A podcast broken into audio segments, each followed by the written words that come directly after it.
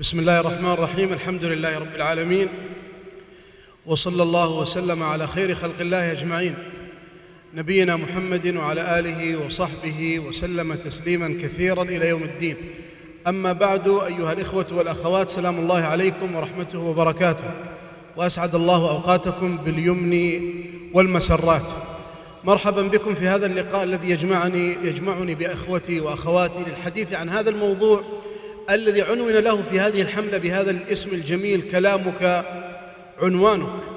فإذا أردت أن تستدل على الشخص وأن تعرف ما هي أفكاره ما هي قيمه التي ينطلق منها ما هي النظرة التي ينظر فيها إلى الحياة فانظر إلى كلامه.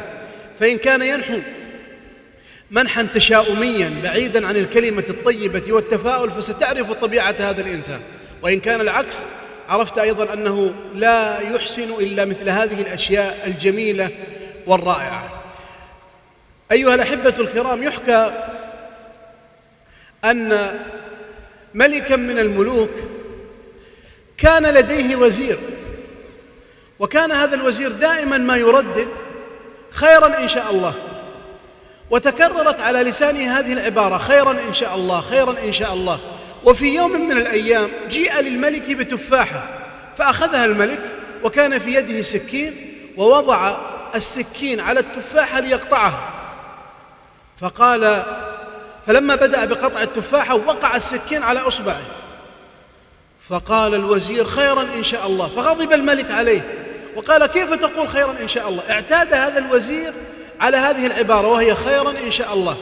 فغضب الملك عليه وقال كيف تردد هذه العبارة؟ ترى يد الملك تقطع وتقول خيرا إن شاء الله فهو خير إن شاء الله كسقوط هذه شيخ خالد هذه إن شاء الله خير من الخير بإذن الله. هذا أول شيء وصل كيوي مع الليمون شيخ.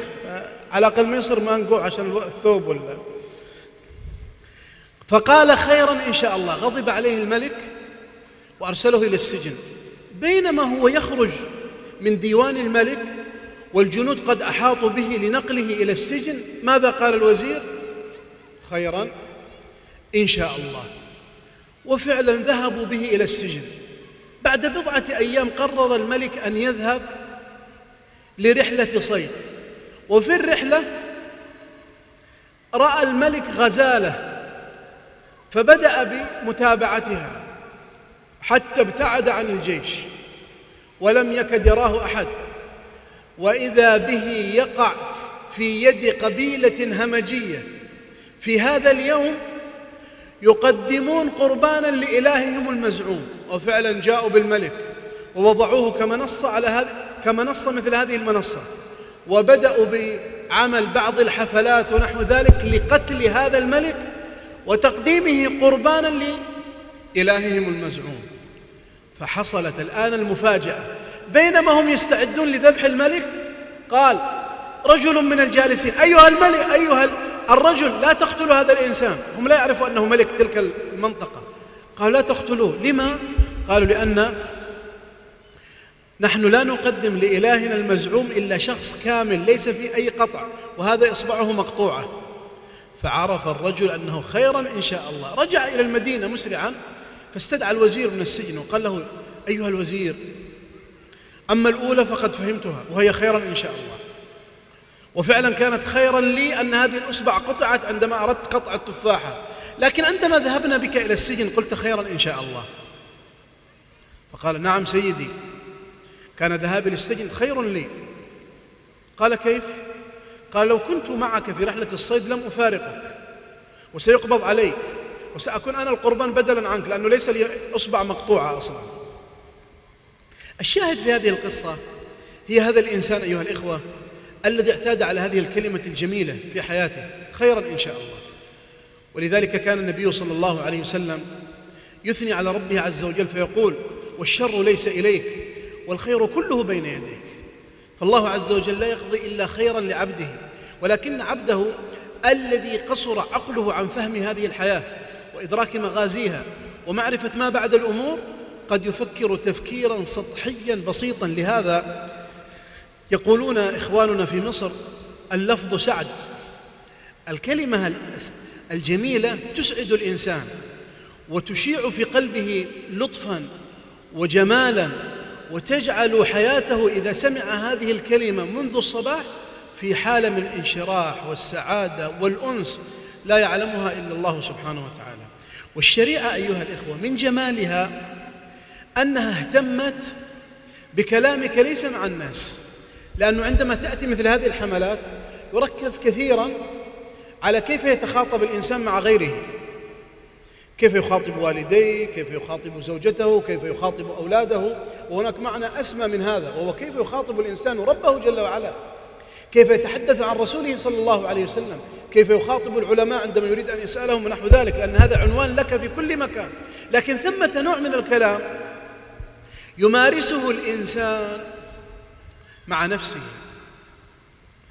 تعالوا نقارن بين كلمتين في قاموس العرب. كلمة خبث. خبث. هذه كلمة شنيعة على الأذن ويشعر الإنسان بنوع من الإشمئزاز منها. هذه الكلمة تعالوا ننظر إلى كلمة أخرى وهي لقس. لقس وخبث تؤدي نفس المعنى ولكن أيهما أخف على اللسان؟ وأخف على الأذن؟ هي كلمة لقس. انظر للتوجيه النبوي. يقول النبي صلى الله عليه وسلم لا يقول أحدكم خبثت نفسي وليقل لقست لقست نفسي. مع أن المعنى واحد لكن إن كان ولا بد قائلا فليقل عبارة ألطف وأحسن مع النفس لماذا؟ لأن النفس تتشرب مثل هذه العبارات حتى تصبح جزءا من شخصية الإنسان ألا ترى بعض الناس عندما تطرح موضوعا أي موضوع حتى لو كان سهلا ويمكن أن يقوم به شاب أو طفل صغير يقول صعب مستحيل لا يمكن تحقيقه لماذا؟ لأنه اعتاد على مثل هذه الأشياء ولهذا يقول نابليون بونابرت كان إذا سمع أحد جنوده يقول مستحيل قال جرب. ليس هناك شيء مستحيل. جرب فإذا حققت ولو شيئا بسيطا معناه أنه ليس ليس بمستحيل مطلقا. إذا أحبتي الكرام أول ما ينبغي للإنسان أن يحسنه أن يحسن الكلام فيه هو حديثه مع نفسه وعن نفسه. فعندما تقدم نفسك للآخرين قدمها بنوع من الثقة والإيجابية وأنك إنسان محترم مقدر لك وزنك أما أن يظل الإنسان عاجزا هزيلا عندما يتكلم مع الناس يشعر بأنه ضعيف وهذا مبتلين به في هذه الأزمنة أنك تجد إنسان يتواضع تواضعا كاذبا حتى يصبح جزء من شخصيته. فعندما يقال له تحدث والله أنا لا أستطيع أنا إنسان ضعيف وأنا إنسان مسكين. نحن الآن لسنا في مقام عبادة أو نحو ذلك نحن في مقام حديثك عن نفسك لاستفادة الناس منك. نحتاج أيها الإخوة أن نقدم أنفسنا بقوة قال ابن من أنت؟ قال ابن نفسي يا أمير المؤمنين. ابن نفسي يا أمير المؤمنين نفسي التي صنعتني والتي هي بين جنبي. فعندما تتحدث مع نفسك حدثها بشيء إيجابي خاصة في الخلوة. عندما تبدأ تقيم ذاتك وحياتك ونفسك وكذا آه، حدثها بأنها مميزة وأنها رائعة وغير ذلك. ولهذا من الأشياء العجيبة إخواني الكرام اليوم في علم الإدارة الذاتية إدارة الذات ثمة ملف مهم جدا يسمونه التأكيدات والتخيل. التأكيدات عبارة عن ماذا؟ عبارة عن عبارات إيجابية يقرأها الإنسان صبح مساء تؤثر على داخله. أحكي لكم تجربة شخصية. كنت أطبقها من السابق دون أن أعرف هذا البرنامج. وهو يدرس في أكثر من دبلومات إدارية ونحو ذلك يمكن أشهرها آه، برنامج الإنتاجية الشخصية البول ماير. كنت وأنا أدرس في الجامعة قد سكنت في السكن الجامعي وفي داخل السكن الجامعي طبعا كل طالب له غرفته فيها مكتبة وسرير نومه ودورة مياه أكرمكم الله. وفي آه، ثلاجة في داخل الغرفة وضعت عليها ورقة بخط يدي. كتبت عليها أبوك وأمك بانتظارك لا تضيع لحظة. وكانت آنذاك ظروف تمر بنا كعائلة احتجت أن أعطي نفسي دفعة وأنها آه، لا تضيع لحظة واحدة من لحظات حياتها وفعلا حرصت على أن أكون الأول على دفعتي. وبحمد الله وفقني الله عز وجل لكن كانت هذه التأكيدات تعطيني دفعة إلى الأمام. لما جئت لمناقشة الماجستير وضعت آه، ورقة وهو تحديد يوم آه، موعد المناقشة. أنك ستناقش الماجستير بإذن الله في اليوم الفلاني. هذه يسموه في علم إدارة الذات التأكيدات أن تعطي نفسك دفعة إيجابية جميلة. وهذا يؤثر بلا شك على نفسية الإنسان في الداخل. لهذا نحتاج هذا الأمر في الحديث مع النفس والحديث عن النفس أيضا تجاه الآخرين. من الأشياء أيها الأحبة التي ينبه عليها في هذا الأمر آه كما ذكرت لكم في ثنايا الحديث أهم ما ينبغي أن يتعلمه الإنسان يتعلمه. هو حسن الحديث مع الله جل في علاه. نحن لا نستغني عن الله في لحظة من لحظات حياتنا. ولهذا يحتاج الإنسان أن يحسن كيف يتكلم مع ربه سبحانه وتعالى. عندما ندعو يأتي الإنسان مباشرة يرفع يديه في لحظة ثم مسح بها وجهه وانتهى. لما سمع النبي صلى الله عليه وسلم رجلا كما في حديث فضال بن عبيد في مسند أحمد وصحيح ابن حبان قال دعا رجل دعا دعاء سريع مثل ما نفعل نحن. فقال عجل هذا هذا رجل مستعجل. طيب ماذا نفعل؟ قال إذا دعا أحدكم فليبدأ بحمد الله والثناء عليه ثم ليصلي عليه ثم ليسأل مسألته ألسنا نقول الآن إذا رفعنا آه ورقة إلى شخص مسؤول نقدمه أولا باسمه معالي رئيس سعادة المحترم الموقر السلام عليكم وبعد ثم نختمها بعد ذلك بحفظك الله ورعاك ونحو ذلك كل هذا لماذا؟ هل من اللائق عندما نرفع خطابا لشخص مسؤول نقول له أرفع لكم خطابي دون أن نسبقه بهذا. لا طبعا. كذلك الحديث مع الله عز وجل. ينبغي أن يتعلم الإنسان طريقة الحديث مع ربه سبحانه وتعالى. الأمر الثاني أيها الإخوة الحديث عن رسول الله صلى الله عليه وسلم. فليس من اللائق أبدا أن يذكر محمد صلى الله عليه وسلم دون أن يصلى عليه دون أن يثنى عليه بأبيه وأمي عليه الصلاة والسلام. ولهذا تجد ذكروا في كتب المصطلح وعلوم الحديث أن أول رجل كتب صاد صاد. وبعضهم قال صلعم. يعني صلى الله عليه وسلم قطعت يده. هذا في القرون السابقة. لم لم يكن آه إلا كتابة للصلاة على النبي عليه الصلاة والسلام. واختلفوا في قطع اليد. هل هو قطع حقيقي أو هو قطع يد؟ يعني قطع راتبه عنه. وكلاهما مصيبة عليه لأنه لم يتأدب مع النبي صلى الله عليه وسلم. فنحتاج عند الحديث عن المصطفى صلى الله عليه وسلم أن نوقره وأن نحترمه وأن نعزره وأن نقدره قدره عليه الصلاة والسلام وأن يكون للكلام الذي يقوله آه، توقير واحترام وقبول وعمل أيضا نقوم به. من الناس الذين ينبغي أن نحسن الحديث معهم الوالدين. كان الحسن البصري إذا تحدث مع أمه كأنه عبد آبق. ولما نادت أم أحد السلف وهو الأسود نادت أمه عليه فعلى صوته على صوتها فاعتق رقبتين كفارة. أين حديثنا اليوم مع والدينا؟ الهدوء والرقة واللطف يعني الشريعة تقول وقل لهما قولا كريما واخفض لهما جناح الذل من الرحمة وقل رب ارحمهما. ويقول الله عز وجل ولا تقل لهما أف. يعني حتى هذه العبارة التي هي أقل عبارة. يقول علي لو كان هناك كلمة أقل منها لذكرها الله في كتابه. لماذا؟ ليقول لنا أنه ينبغي الإنسان أن يتأدب ويحسن العبارة مع هؤلاء الناس وخاصة الوالدين. الحديث معهم يختلف تماما عن بقية الناس. ثم يأتي بعد ذلك العلماء ومن لهم فضل عليك حتى جعل السفارين في غذاء الألباب. العلماء مثل الوالدين في الحق والمكرمة. قال رجل لقوم حوله. لاحظوا كيف اللطف أحيانا. وهذه يتعود عليها الإنسان لأنه في تدرب أصلا على هذه الأشياء. قال أيها الناس ما جمع مسواك؟ الذي اعتاد لسانه على الذوق لا يمكن أن يسيء بهذا الأمر. فقال له قال لهم ما جمع مسواك؟ الأصل أن يقال مساويك ولكن مساويك فيها نوع من يعني كانوا جمع سيئاتك.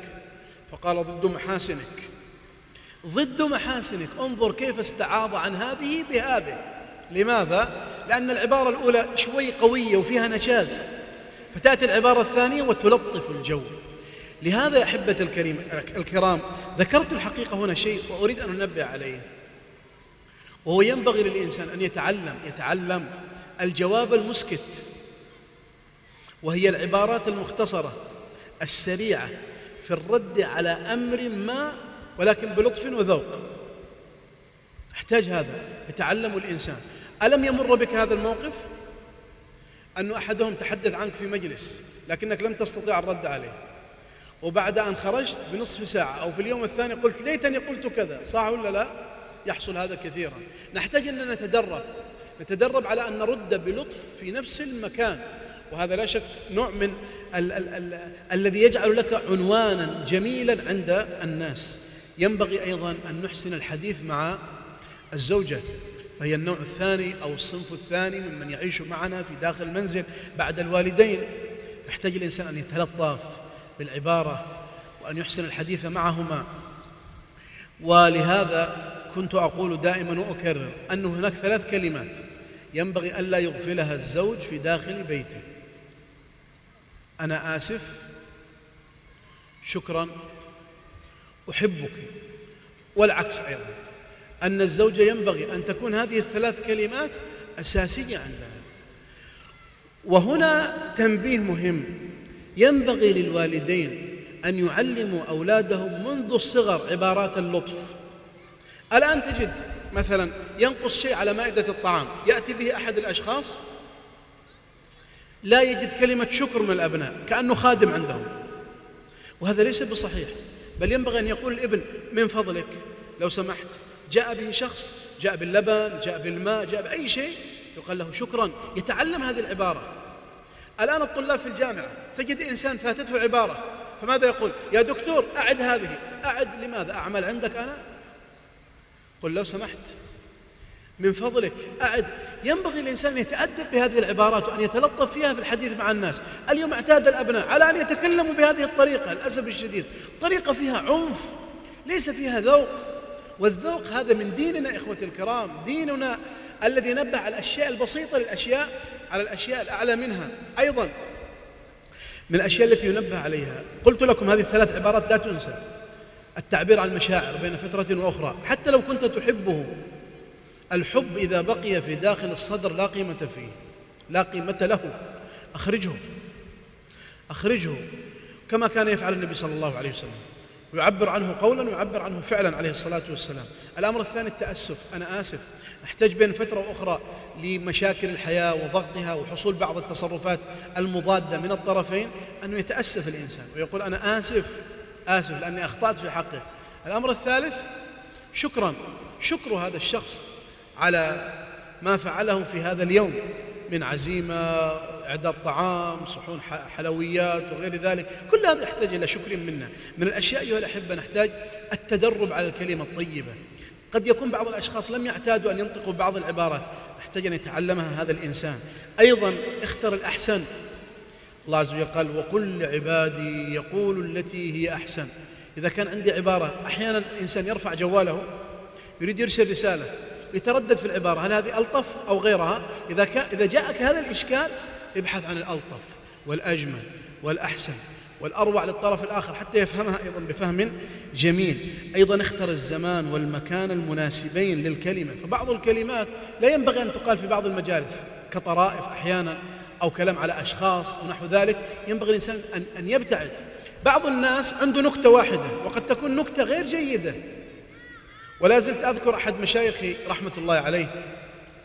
ممن عمر وصل فوق التسعين كان يقول لي نصيحة قال يا بني إذا قلت نكتة فقل نكتة نظيفة.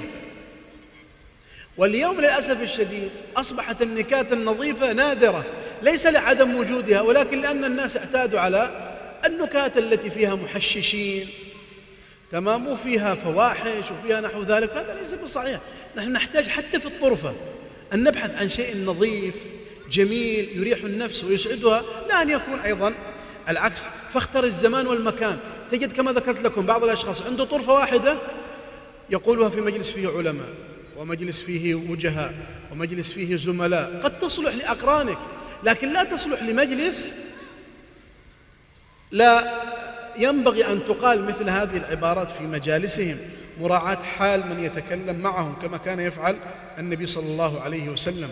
نحتاج أحيانا نتعلم الصمت الصمت. في بعض الأحيان من تكلم قطعت رقبته وأصبح هذا الشخص يقرب عنقه إلى الآخرين. من الأشياء أيضا قلل الخلطة. هناك بعض الأشخاص رائع جدا إذا كانت خلطته قليلة أو يعيش مع أشخاص محدودين لكنه إذا انفتح على الناس إذا انفتح تجده يتكلم بما هب ودب ويأتي بقصص لا تليق بالمكان ونحو ذلك. إن رأيت نفسك لا تثبت في مثل هذه الأماكن وتبدأ بالحديث فقلل الخلطة. لا تستعجل أيضا في الكلام على الآخرين. وجاهد أخيرا جاهد جاهد بلسانك. فالإنسان يجاهد بلسانه بقول كلمة الحق بالتذكير بها في أي مكان من الأماكن إلى غير ذلك. هناك حكمة جميلة تقول الفم المطبق المطبق. لا يدخله الذباب. يقولوها الفلبينيون. مثل عندهم الفم المطبق لا يدخله الذباب. يعني أن الإنسان أحيانا إذا صمت لا شك أنه سيسلم بشكل كبير بإذن الله تعالى. تقول حكمة أخرى إذا خفت فلا تقل. إذا خفت فلا تقل. أحيانا تكتب تغريدة وتحس أن التغريدة بتوديك في ستين داهية. تمام؟ احذفها يا أخي. اكتب لك سن تقول له لا حفظ ولا بدون حفظ بدون حفظ إلى جهنم. لكن هكذا ليس بصحيح. أيضا من الأشياء يقول إذا خفت فلا تقل وإذا قلت فلا تخف وإذا قلت فلا تخف. وأخيرا أعجبتني عبارة لطيفة ذكرها أحد الأشخاص. قال اللسان صغير صغير الجرم كبير الجرم صغير الجرم كبير الجرم. فهذا هو الذي يوردنا المهالك كما كان يفعل. أبو بكر الصديق رضي الله تعالى عنه. هذه بعض الخواطر أيها الإخوة في هذه الحملة المباركة. التي نسأل الله عز وجل أن يجزي خيرا من بدأها ورتب لها وأعد لها وأخرجها أيضا للإخوة والأخوات في مثل هذه الأماكن. آه، استأثرت بالحديث عمن ينبغي أن يتكلم هو قبلي واستعجلت أنا وتكلمت بين يديه فليعذرني وليعذرني كذلك الإخوة. أسأل الله عز وجل لي ولكم التوفيق والله تعالى أعلم. وصلى الله وسلم على نبينا محمد. عندي مداخلة سريعة إذا سمحتم. هناك الحقيقة ثلاثة كتب. أتمنى أن تكون من ضمن مقتنياتكم في البيوت.